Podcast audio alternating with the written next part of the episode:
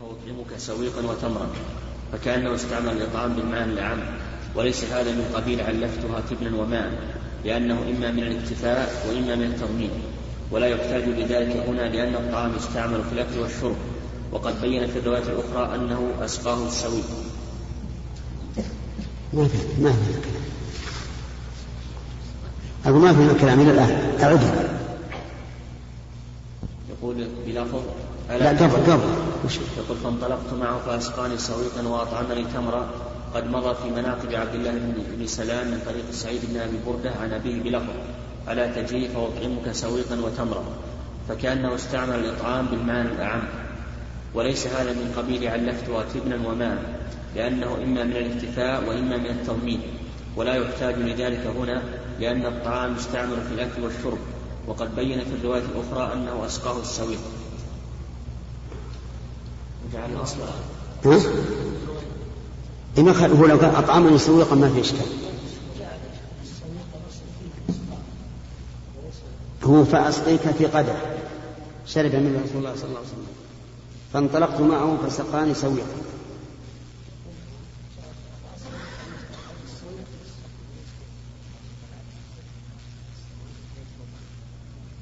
لا لا مو مو بس الذي أشكل كيف يقال السويق يسقى هذا الإشكال.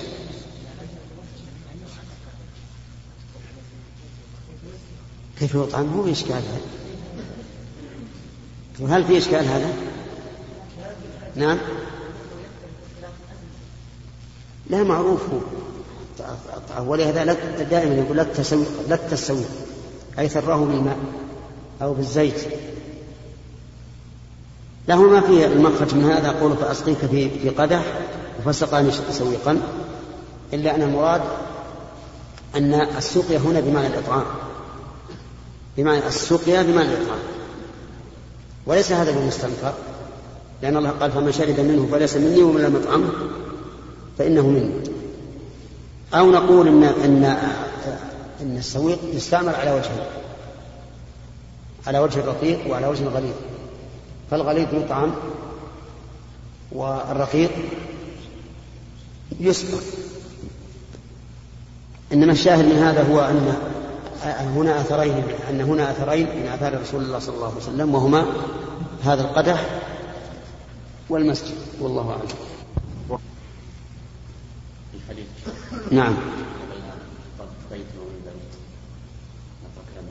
طيب. بسم الله الرحمن الرحيم. والصلاة والسلام على رسول الله. قال الحافظ ابن حجر رحمه الله تعالى فأما الحديث الأول في المنبر فقوله ما بين بيتي ومنبري كذا للأكثر ووقع في رواية ابن عساكر وحده قبري بدل بيتي وهو خطأ.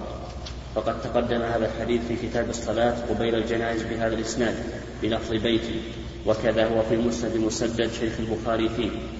نعم وقع في نعم وقع في حديث سعد بن أبي وقاص عند البزار بسند الرجال والثقات وعند الطبراني من حديث ابن عمر بلفظ القبر. فعلى هذا المراد بالبيت في قوله بيتي أحد بيوتي لا كلها وهو بيت عائشة الذي صار فيه قبره. وقد ورد الحديث بلفظ ما بين المنبر وبيت عائشة. ما بين المنبر وبيت عائشة روضة من رياض الجنة أخرجه الطبراني في الأوسط.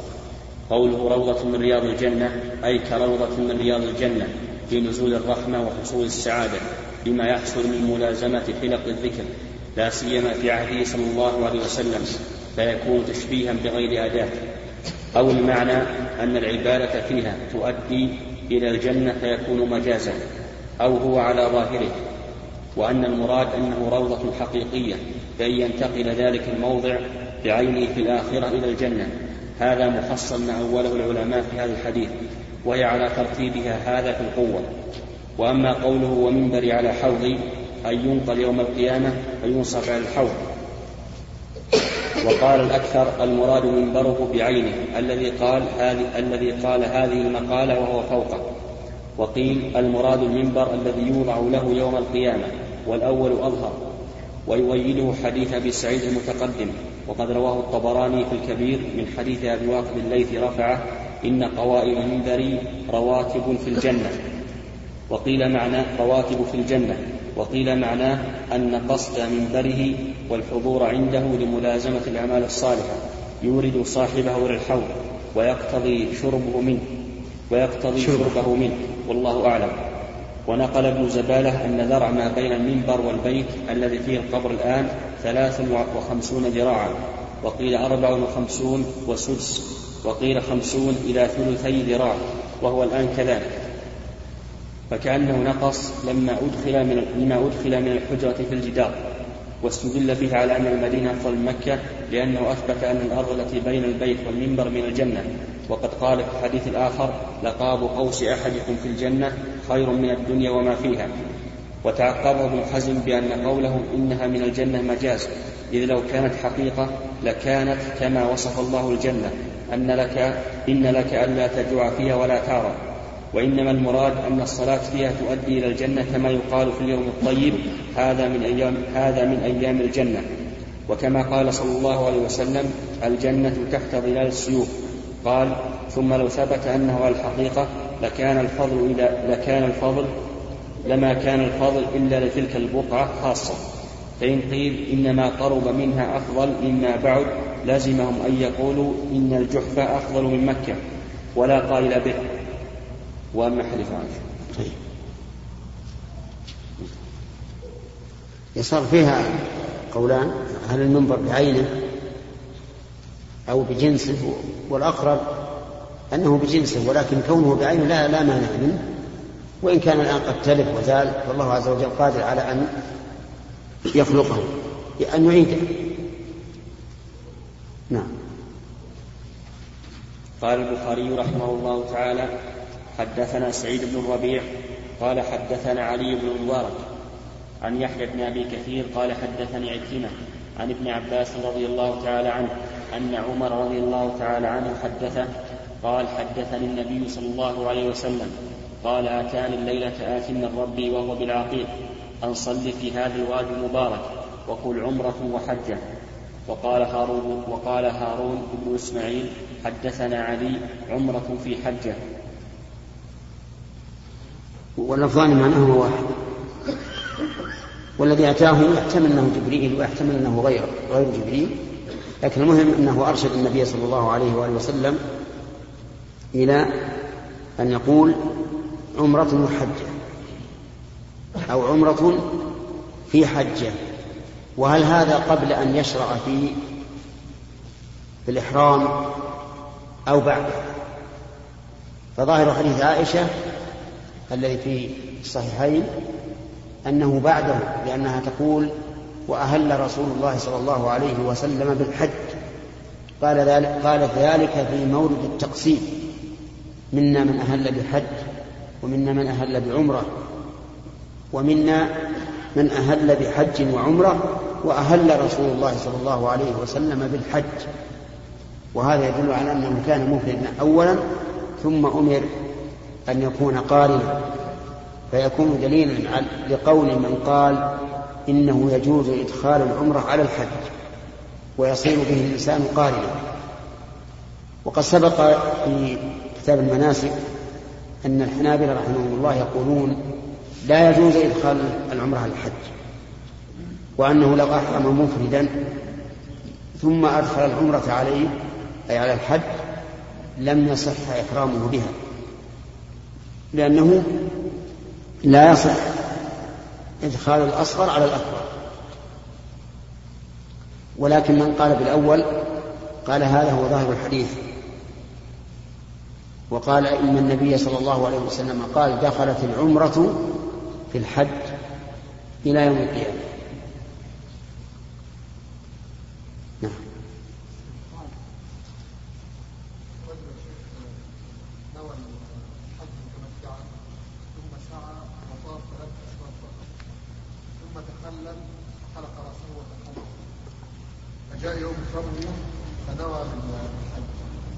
نعم فسأل ما وجد أحد إيش هو وماذا فعل وماذا صنع؟ هذا يكون قارنا عند بعض العلماء الذين يجيزون إدخال الحج على العمرة ولو بعد الطواف أما على المشهور عند الحنابلة فإن حجه غير صحيح وعليه الآن أن يذهب ويتمم العمرة بالسعي ويتجرد الآن من المخيط ويتجنب جميع المحظورات ويقضي يكمل عمرته لأن إحرامه بالحج بعد الشروع في في طواف العمرة غير صحيح. ولهذا هذه من المصائب التي التي ترد ترد من الحجاج. تجد واحد إذا لم يجد عالما عند ركبته أو عند خيمته يسأله ما ذهب يسأل ويسأل. طيب وماذا قالوا؟ له؟ طيب. لماذا لم يذهب إلى آخرين؟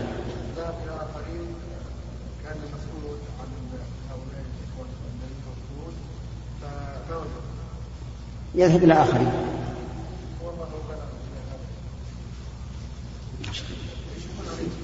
على كل حال قلت لكن بعض العلماء يرى أن إحرامه بالحج هنا صغير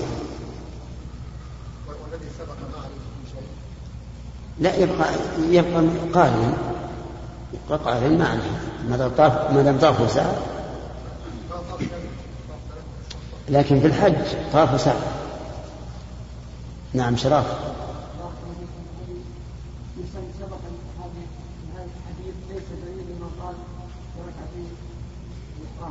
نعم. نعم.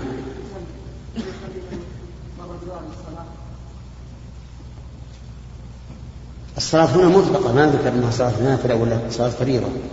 والرسول عليه الصلاة والسلام أحرم عقب صلاة فريضة. نعم فريضة فريضة. هي فريضة. نعم. حدثنا محمد بن يوسف قال حدثنا سفيان عن عبد الله بن عن عبد الله بن دينار عن ابن عمر رضي الله تعالى عنهما قال وقت النبي صلى الله عليه وسلم قرنا لأهل نجد والجحفة لأهل الشام وذا الحليفة لأهل المدينة. قال سمعت هذا من النبي صلى الله عليه وسلم وبلغني أن النبي صلى الله عليه وسلم قال ولأهل اليمن يلملم وذكر العراق فقال لم يكن عراق يومئذ.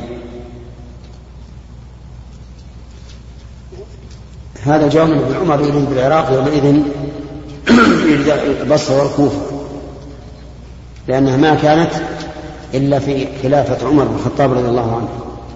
وإلا فإن الأرض موجودة من قبل. وليس يريد أن العراق لم يسلموا. فإن الشام أيضا لم يسلم واليمن لم يسلم كثير منهم.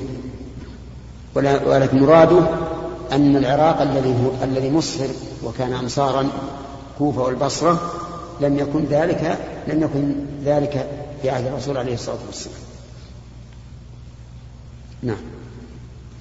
وحدثنا عبد الرحمن بن المبارك قال حدثنا الفضيل قال حدثنا موسى بن عقبة قال حدثني سالم بن عبد الله عن أبيه عن النبي صلى الله عليه وسلم أنه أري وهو في مؤرسه بذي الحليفة فقيل له إنك ببطحاء مباركة.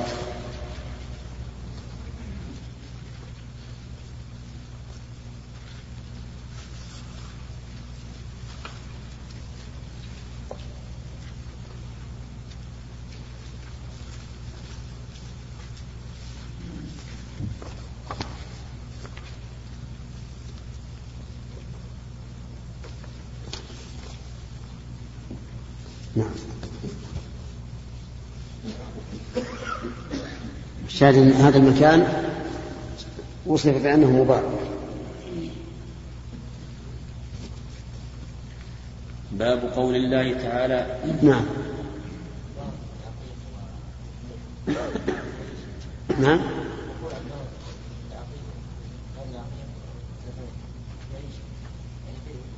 لأنها مواقيت العبادة المكان هذا ميقات للعبادة.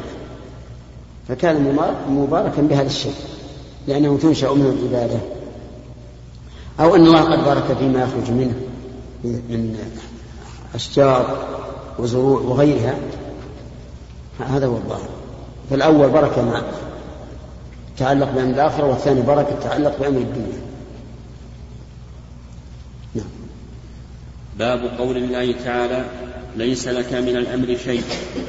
حدثنا أحمد بن محمد قال أخبرنا عبد الله قال أخبرنا معمر عن الزهري عن سالم عن ابن عمر رضي الله تعالى عنهما أنه سمع النبي صلى الله عليه وسلم يقول في صلاة الفجر رفع رأسه من الركوع قال اللهم ربنا ولك الحمد في الأخير ولك الحمد في الأخيرة. ثم قال اللهم لعن فلانا وفلانا. فأنزل الله عز وجل ليس لك من الأمر شيء أو يتوب عليهم أو يعذبهم فإنهم ظالمون. في هذا الحديث الجمع بين اللهم والواو في قول ربنا ولك الحمد. وبهذا تكمل الوجوه الأربعة في هذه الجملة. الوجه الأول ربنا لك الحمد. بحذف اللهم وحذف الواو. والثاني ربنا ولك الحمد. بإثبات الواو وحذف اللهم. والثالث اللهم ربنا لك الحمد. بحذف الواو وإثبات اللهم والرابعة جمع بينهما. اللهم ربنا ولك الحمد. ففيها أربعة أوجه. ينبغي للإنسان أن يقول هذا مرة وهذا مرة. لأن الإتيان بالعبادات المتنوعة على وجوهها يحصل به ثلاث فوائد. الفائدة الأولى حفظ السنة. لأنك إذا إذا إذا لم تعمل بها نسيتها. والثاني تمام الاتباع لأنك لو اقتصرت على وجه واحد لم يكن منك تمام الاتباع. والثالث قوة الاستحضار لأن الإنسان إذا اعتاد شيئا صار يقوله هكذا اوتوماتيكيا كما يقولون. لكن إذا كان أحيانا يقول هذا وأحيانا يكون هذا يقول هذا صار ذلك أبلغ في إيش؟ في الاستحضار. فينبغي لك في جميع العبادات الواردة على وجوه متنوعة ينبغي لك أن تأخذ بوجه مرة وبوجه آخر مرة أخرى. وكذلك في القراءات في القرآن الكريم ينبغي للإنسان أن يتعلمها يتعلم القراءات. وأن يقرأ مرة بهذا ومرة بهذا لأن الكل ثبت عن النبي صلى الله عليه وسلم. وفي هذا وفي هذا الحديث دليل على القنوت بعد الركوع وأنه في الركعة الأخيرة. وفيه دليل على على جواز لعن الشخص المعين هكذا يا أحمد. الحديث فيه دليل على جواز لعن الشخص المعين أقول فيه دليل على جواز لعن الشخص المعين نعم آه.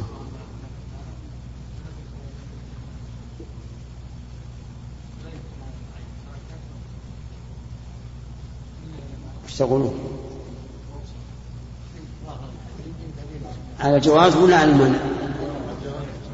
لا على المنع. لأن الرسول دعا أولا ثم نهي عن ذلك. قيل له ليس لك من الأمر شيء. الأمر ليس إليه بل إلى الله وحده. ولهذا قال أو يتوب عليهم أو يعذبهم فإنهم ظالمون. فلعن المعين لا يجوز إذا كان حيا لأن الله تعالى قد يتوب عليه فيهتدي. لكن إذا كان ميتا هل يلعن؟ إذا كان ميتا وعين قد يقال لا يلعن أيضا. لأن النبي صلى الله عليه وسلم قال لا تسبوا الأموات فتؤذوا الأحياء. وفي لفظ فإنهم أفضوا إلى ما قدموا. أما لعن العموم فهذا جائز. مثل أن تقول اللهم لعن الكافرين اللهم لعن اليهود اللهم لعن النصارى. هذا جائز. قال النبي صلى الله عليه وسلم لعنة الله على اليهود والنصارى اتخذوا قبور أنبيائهم مساجد. وفي هذا دليل على أن الرسول صلى الله عليه وسلم قد يجتهد فإن أقره الله على ذلك فاجتهاده صحيح.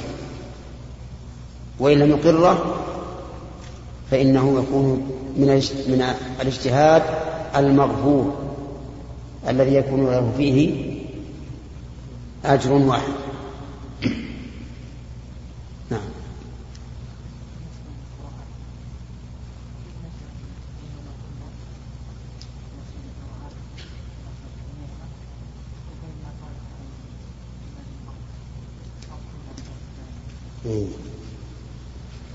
يقول كيف نقول إنه ينبغي معرفة القراءات والقراءة بها مع قول علي بن أبي طالب حدث الناس بما يعرفون. نحن قلنا مرارا وتكرارا. يا عقيل القراءات غير الموجودة في المصحف لا تقرأ بها عند العامة. ما قلنا هذا؟ لا تقرأ به. اللي مو بالمصحف اللي بأيدي العامة لا تقرأ به. لكن فيما بينك وبين نفسك في صلاتك غير التي تكون فيها إماما اقرأ. أما عند العامة فلا تقرأ لأنك إذا قرأت سوف يحصل إحدى مفسدتين إما أن يقول هذا رجل لا يعرف ولا نريد أن يكون إماما لنا وإما أن يقول أن يقولوا أن تشككوا في القرآن. كيف القرآن يتلاعب به؟ مرة كذا ومرة كذا. فالعامة لا تحدثهم بما لا تدركه عقولهم. كما قال عبد الله بن مسعود إنك لن تحدث قوما حديثا لا تبلغه عقولهم إلا كان لبعضهم فتنة. نعم.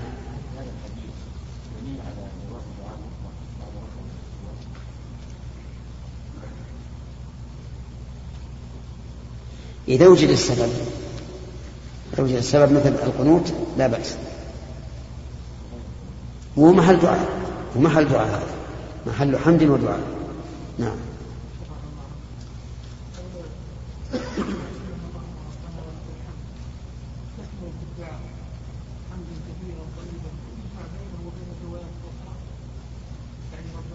اي كمل.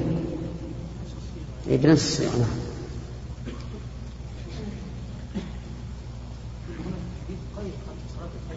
نعم. صحيح. لا لا له سبب كان يقوم في صلاة الفجر وصلاة المغرب. لا ما هو ما هو القنوت قصد مثلا إنسان لما رفع من الدعاء اللهم ربنا لك الحمد وآتى بالذكر قال اللهم اغفر لي اللهم ارحمني وما أشبه ذلك. فلا بأس. باب قوله تعالى وكان الإنسان أكثر شيء جدلا. الله. وقوله تعالى ولا تجادلوا أهل الكتاب إلا بالتي هي أحسن.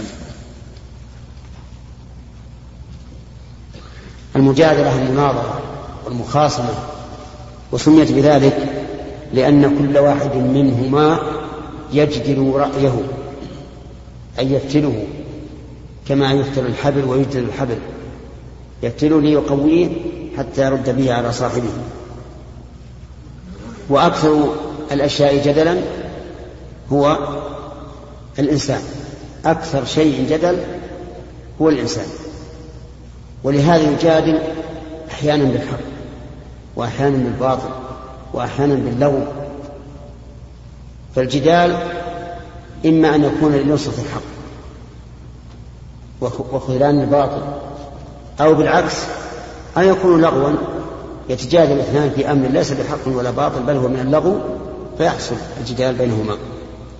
والذي ينبغي للإنسان ترك الجدال ما لم يتعين عليه لإثبات حق أو إبطال باطل وإلا فترك الجدال أولى وأسلم وأبعد عن تهم النفوس بعضها على بعض كما هو مشاهد.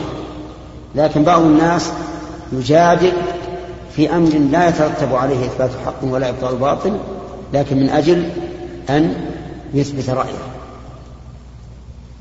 مع أنه ليس في أمر ديني ولا في أمر دنيوي نافع بس من أجل إثبات الرأي. وهذا خطأ. هذا خطأ لأن الجدل لا بد أن يكون في النفوس شيء لا سيما إذا لم يكن ذلك لله.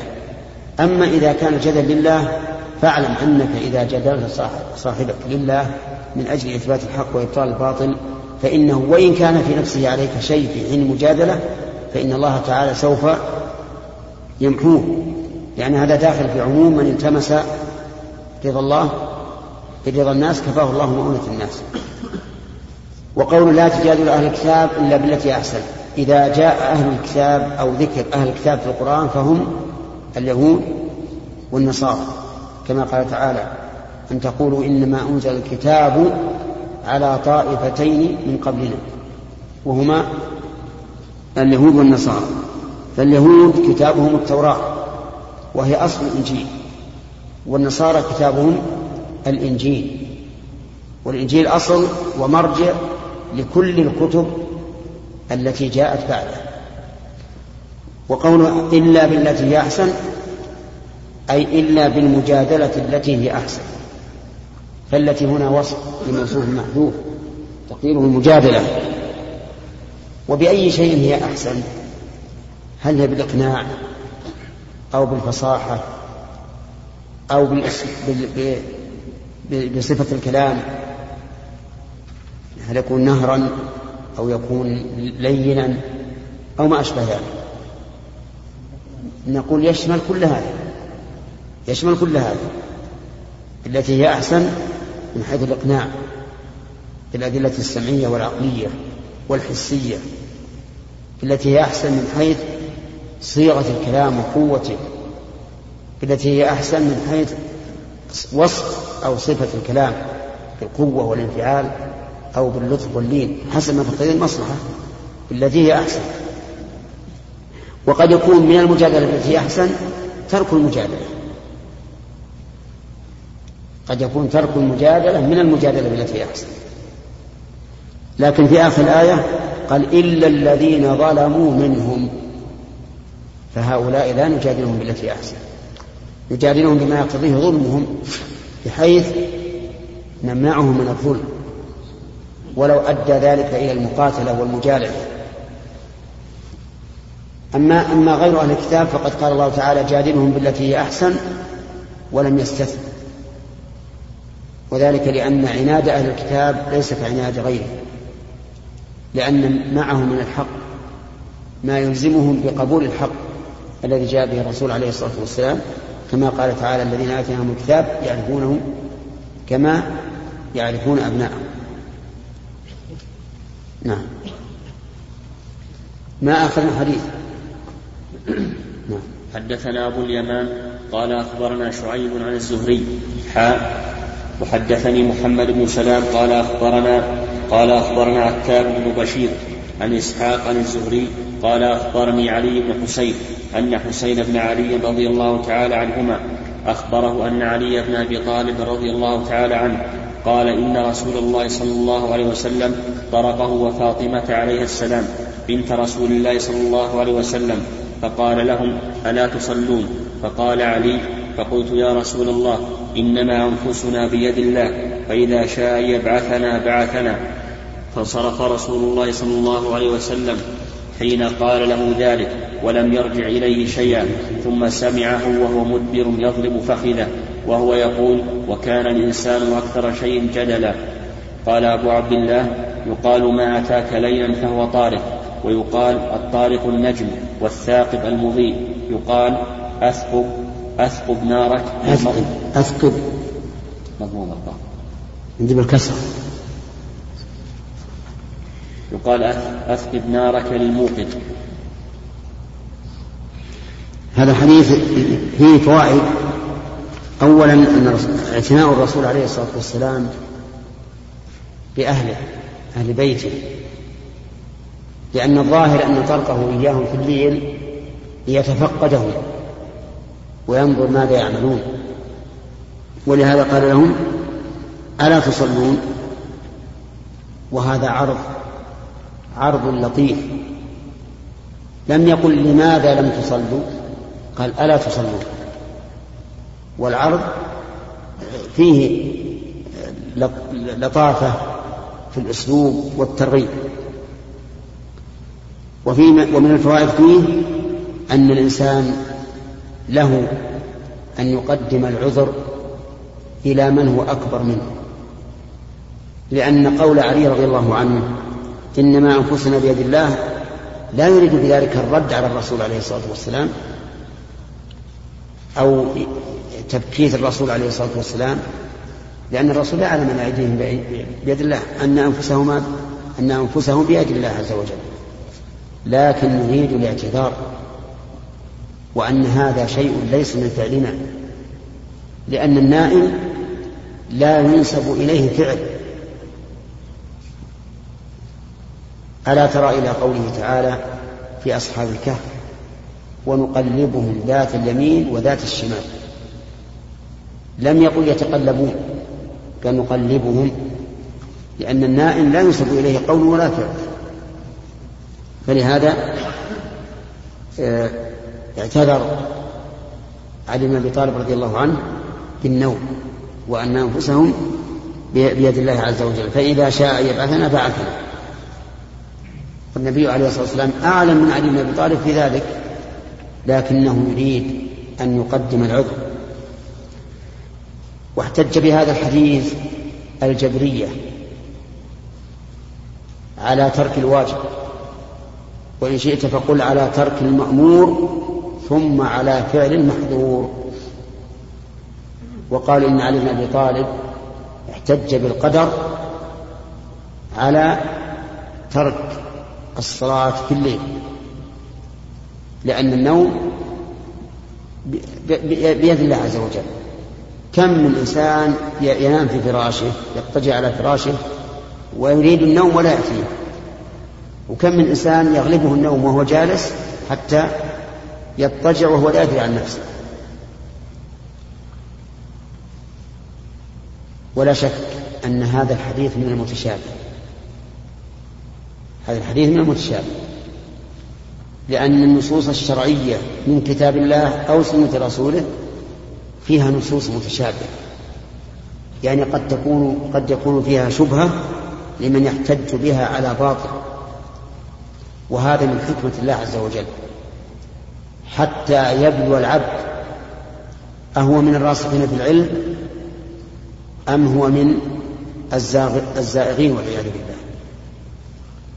فالذين يتبعون المتشابه من كتاب الله وسنة رسوله هؤلاء هم أهل الزيغ وهم الذين سمى الله فاحذروهم كما صح عن النبي صلى الله عليه وسلم. والواجب على المؤمن إذا جاءت النصوص متشابهة أن يحملها على النصوص المحكمة. النصوص المحكمة هو أنه لا حجة بالقدر على الشر لا حجة بالقدر على الشر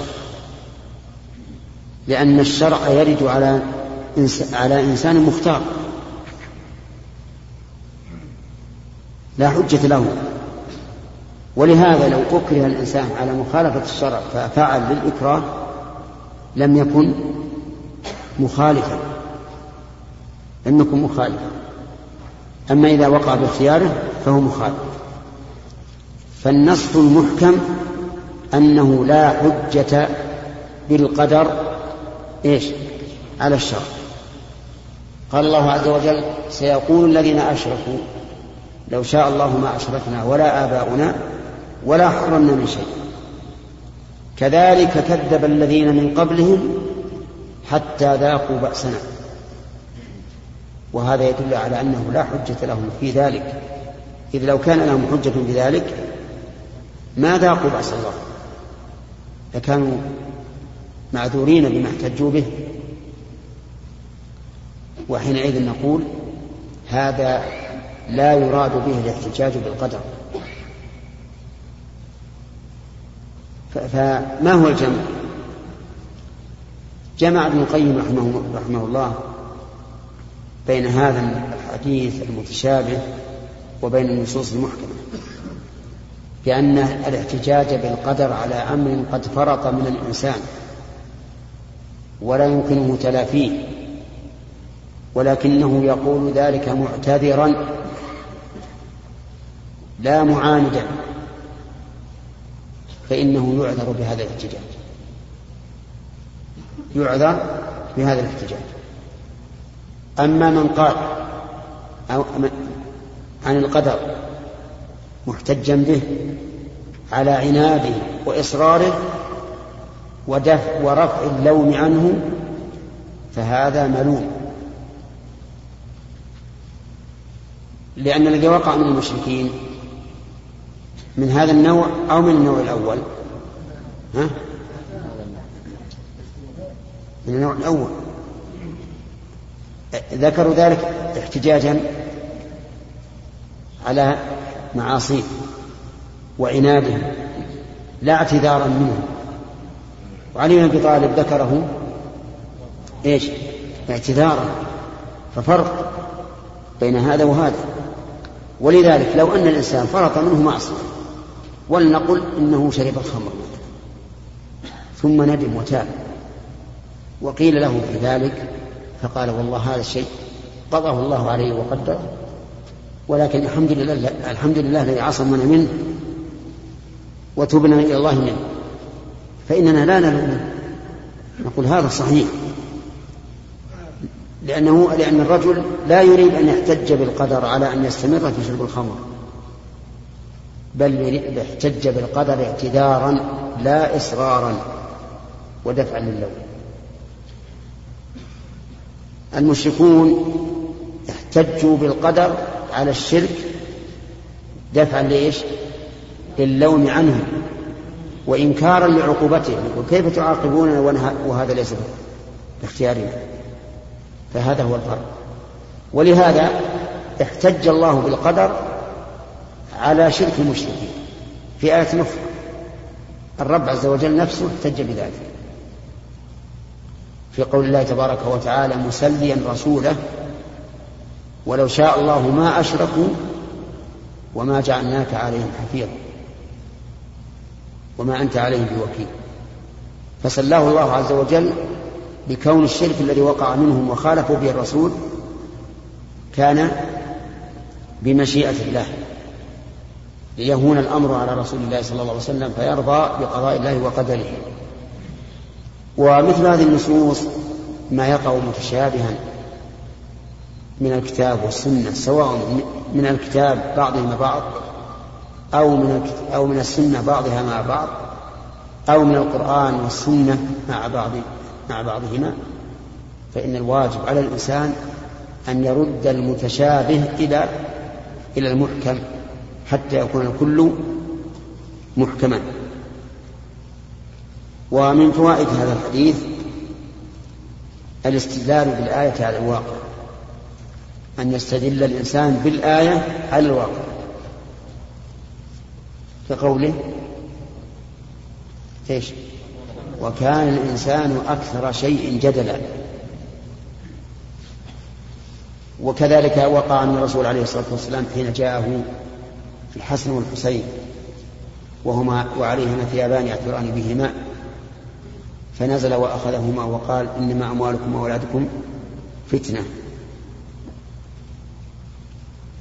طيب فيه شيء من المتشابهين وهو كون الرسول عليه الصلاة والسلام يضرب فخذه.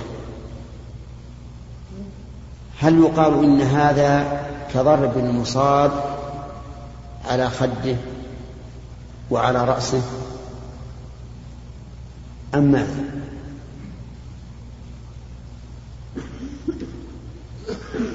نعم. أنت خالد ليس من الشاذ لأن النبي عليه الصلاة والسلام لم يكن قصده ضرب مصيبة إنما ضربه متعجبا كيف يعني يرد عليه هذا الرد؟ وهو من الصلاة.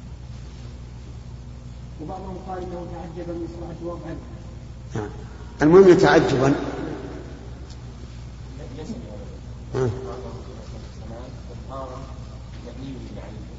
إيش؟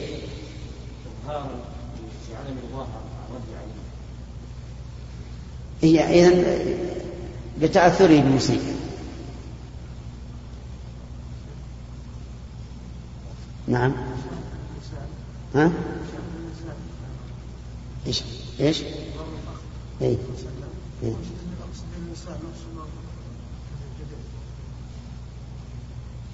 إيه لكن بعد أن ولى جعل يضرب على فخذه إيه. يسمع ثم إيه. يعني للتنبيه الشراهة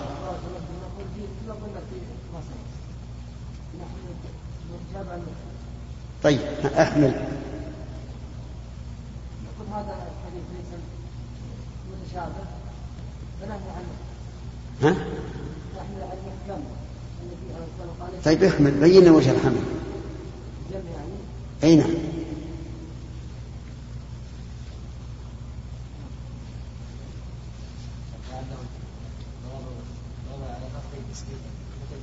إيش؟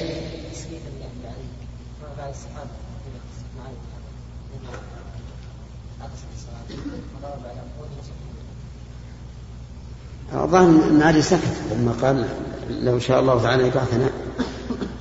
بعثنا. سليم.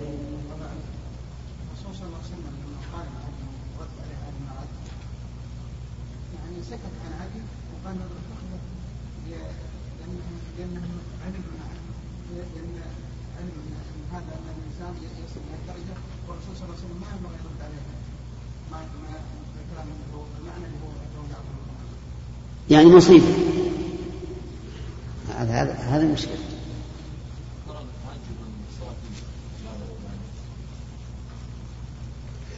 والظاهر إنه, إنه نعم. رجعت عن عادة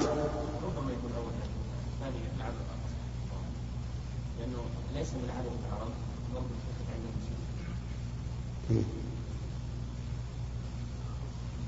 لا هو المصاب الحقيقة عند المصيبة أحيانا يضرب الخد أحيانا يضرب الرأس بعضهم يضرب الرأس بالجدار. نعم يختلفون. بعضهم ينتف الشعر. المهم أن يفعلوا فعلا يظهر منه الجزاء.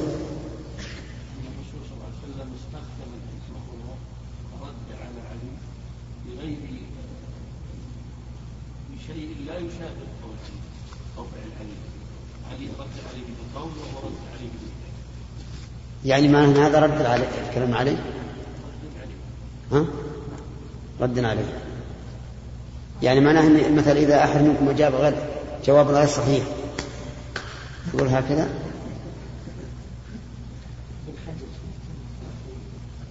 لا أنا بس بشوف يعني أفهام الناس كيف يحملون المشكل على المتشابه.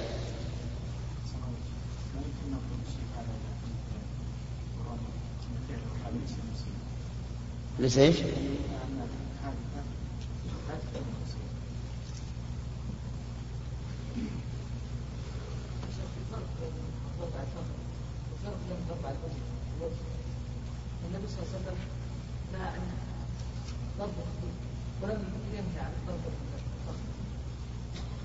سيأتي بعد عشر ليال من يضربون الظهور والصدور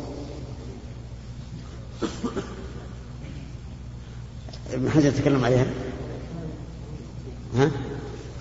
طيب.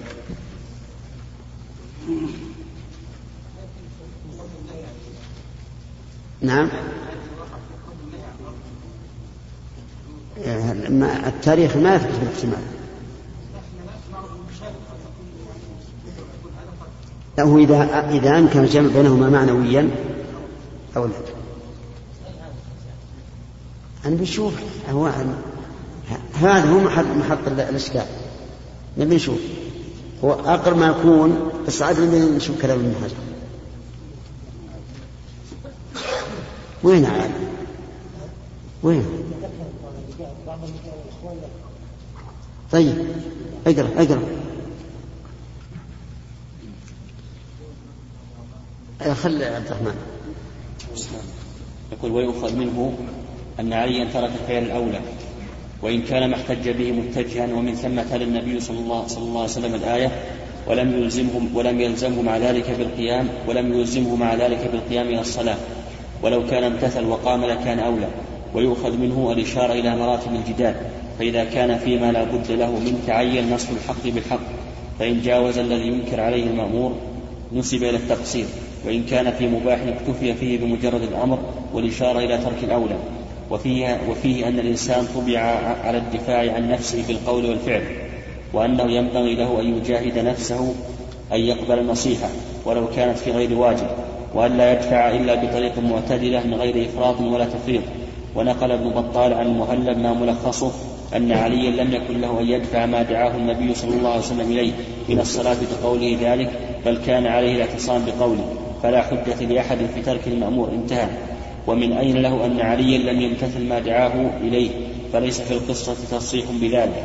وإنما جاب علي بما ذكر اعتذارا على ترك القيام بغلبة النوم ولا يمتنع أنه صلى عقب هذه المراجعة إذ ليس في الخبر ما ينفيه.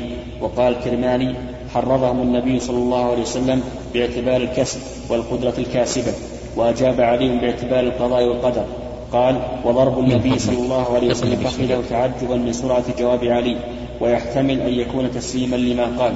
وقال الشيخ أبو محمد بن أبي جمرة في هذا الحديث من الفوائد مشروعية التذكير للغافل خصوصا خصوصا القريب والصاحب لأن الغفلة من طبع من طبع البشر فينبغي المرء أن يتفقد نفسه ومن يحبه بتذكير الخير.